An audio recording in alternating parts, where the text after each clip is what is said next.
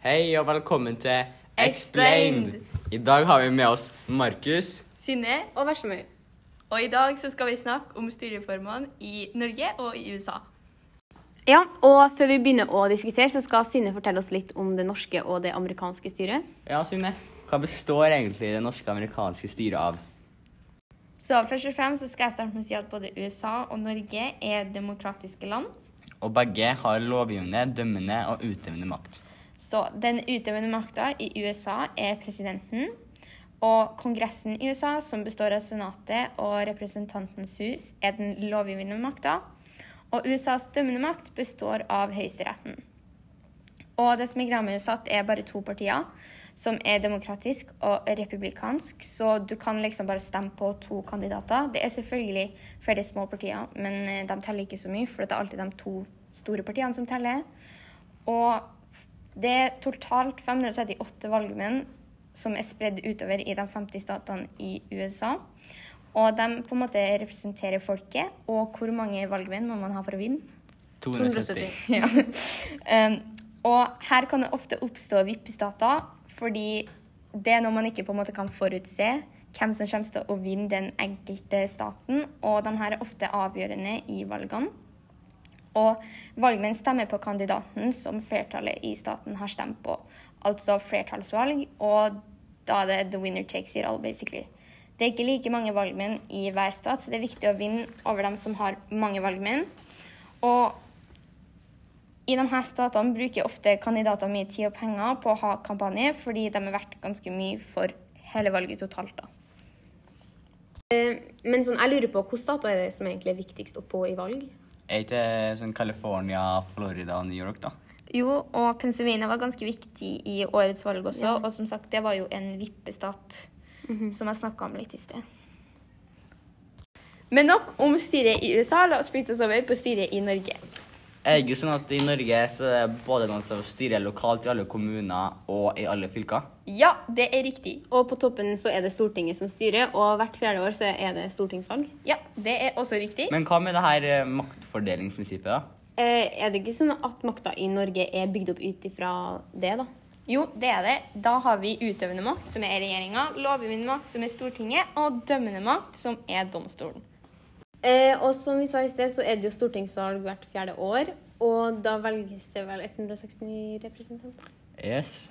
Og 150 av setene i Stortinget de går til partiene som fikk flest stemmer. Ja, og regjeringa blir leda av statsministeren vår, og Stortinget kontrollerer regjeringa og passer på at de gjør jobben sin. Så ut ifra det vi har snakka om nå, hvem syns vi har best demokrati av USA og Norge? Norge. Ja, jeg syns Norge. Jeg tenker Norge. Og hvorfor tenker vi det? Fordi der vi alle hørt. Alle stemmene teller. Mhm, I Norge, ja. Fordi i USA er det jo veldig todelt, da. Man stemmer jo på to kandidater, og det blir veldig 50-50. Så mange av stemmene kan telle mye mindre enn det de gjør her i Norge. Ja, men samtidig så er det ikke stemmene som teller direkte. Man stemmer jo på valgmenn. Ja. Det er litt sånn komplisert, men jeg syns i hvert fall at Norge sitt opplegg er mye bedre, der man på en måte har flere partier, og så kan man stemme på på en måte det man liker, da. Altså, det som er greia i Norge, er på en måte at der er det jo flere partier som jobber sammen, fordi at eh, hvis man får over 4 er det ikke det, 4% av stemmene på en måte på landsbasis, så kommer man seg inn i Stortinget. Og da får man en plass, og da på en måte har man noe å si. Da, da kan man si sin mening i Stortinget, og da jobber man jo sammen. Det er jo ikke alle som jobber sammen, det er jo at flere partier kan slås sammen. Ja, ja, men de jobber jo sammen. De Ja, er jo fortsatt et eget parti. alle jobber jo ikke sammen. Nei, men man kan jobbe sammen. Ja, man kan jobbe sammen. Ja, og det kan skape mer rettferdighet, og da kan flere folk bli hørt. Ja. Og det som kanskje er bedre med Norge, er at vi har jo et monarki, men kongen kan ikke bestemme så mye, og han kan komme med sin egen mening, men han har ikke like mye makt som en president har, sånn som det er i USA. Og da er vi på det med maktfordeling. Og hva tenker dere om maktfordelinga sånn i USA og Norge? Ja, jeg liker at vi har eh, parlamentarisme i Norge. Ja, det er jo et ganske godt poeng, fordi at eh, vi, de har jo ikke parlamentarisme i USA, og det er jeg ganske glad for at vi har her i Norge, fordi da har vi muligheten til at hvis altså regjeringa ikke gjør jobben sin, og Stortinget mister tillit til regjeringa, så kan de be dem gå av. Og så har jo både Norge og USA bygd opp makta si ut ifra maktfordelingsprinsippet. Og selv om begge har gjort det, så føler jeg at Norge har altså bedre fordelt. da. De har fordelt makta si mye bedre. fordi i USA så kan jo presidenten bestemme hvem som skal sitte som dommer i domstolene. Og det vil jo bare gi presidenten mer makt. Og noe annet som kanskje er litt negativt med styreformen i USA, er jo at siden at man bare kan stemme på to kandidater, så på en måte splitter det folket. Og ofte når det er etter det valg, så blir det ofte store demonstrasjoner, og det er veldig mye uenighet blant folket, da. Og det er det som kanskje er dumt med å ha valgmenn og det opplegget der. Fordi som sagt, det splitter folket veldig. Men om vi skal dra fram noe positivt da, om USA sitt styreform, hva tenker dere om det? Ja, altså, Hvis presidenten er veldig god da, og hører på begge sider av landet, både demokratene og republikanerne, ja, så kan jo Det kan funke ganske det kan funke ganske bra. ja. Presidenten kan gjøre det bra, så det vil jo få folk til å like det enda mer. da. Mm.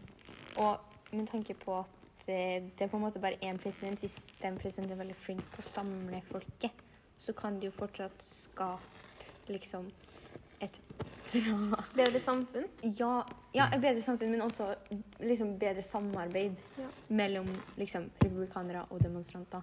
Fordi nå er jo, det er jo ganske dårlig nå, egentlig. Det er jo veldig sånn two-sided i Mm. USA. Ja. Altså, Ulempa med det norske styret da, det er jo at vi har så mange partier, og de på en måte står for sin egen ting. Og det kan også være en ganske bra ting, men det er ganske mange. Og hvis partier har ganske få stemmer, så vil jo ikke det telle så mye. Hvis de ikke kommer over den 4 da, som er liksom gullinja for å komme seg inn på Stortinget og liksom bli en representant der, da. Ja, og når vi har så mange partier, så kan det bli vanskelig å samarbeide, for at de kan stå for så mye forskjellig. Og så har vi jo den her venstre- og høyresida, som det er ofte de partiene deles opp i, om de støtter høyre eller venstre. Og derfor kan man jo si at Norge er litt sånn tosidig som i USA, for der har man jo republikanerne og demokratene, og Norge så har man høyre og venstre. Mm, det her var alt det vi hadde for i dag, og neste gang så skal vi snakke om kosthold og helse. Um, denne podkasten her er av Veslemøy, Markus? Og Synne? og dere er hjertelig velkommen til neste gang med Explain!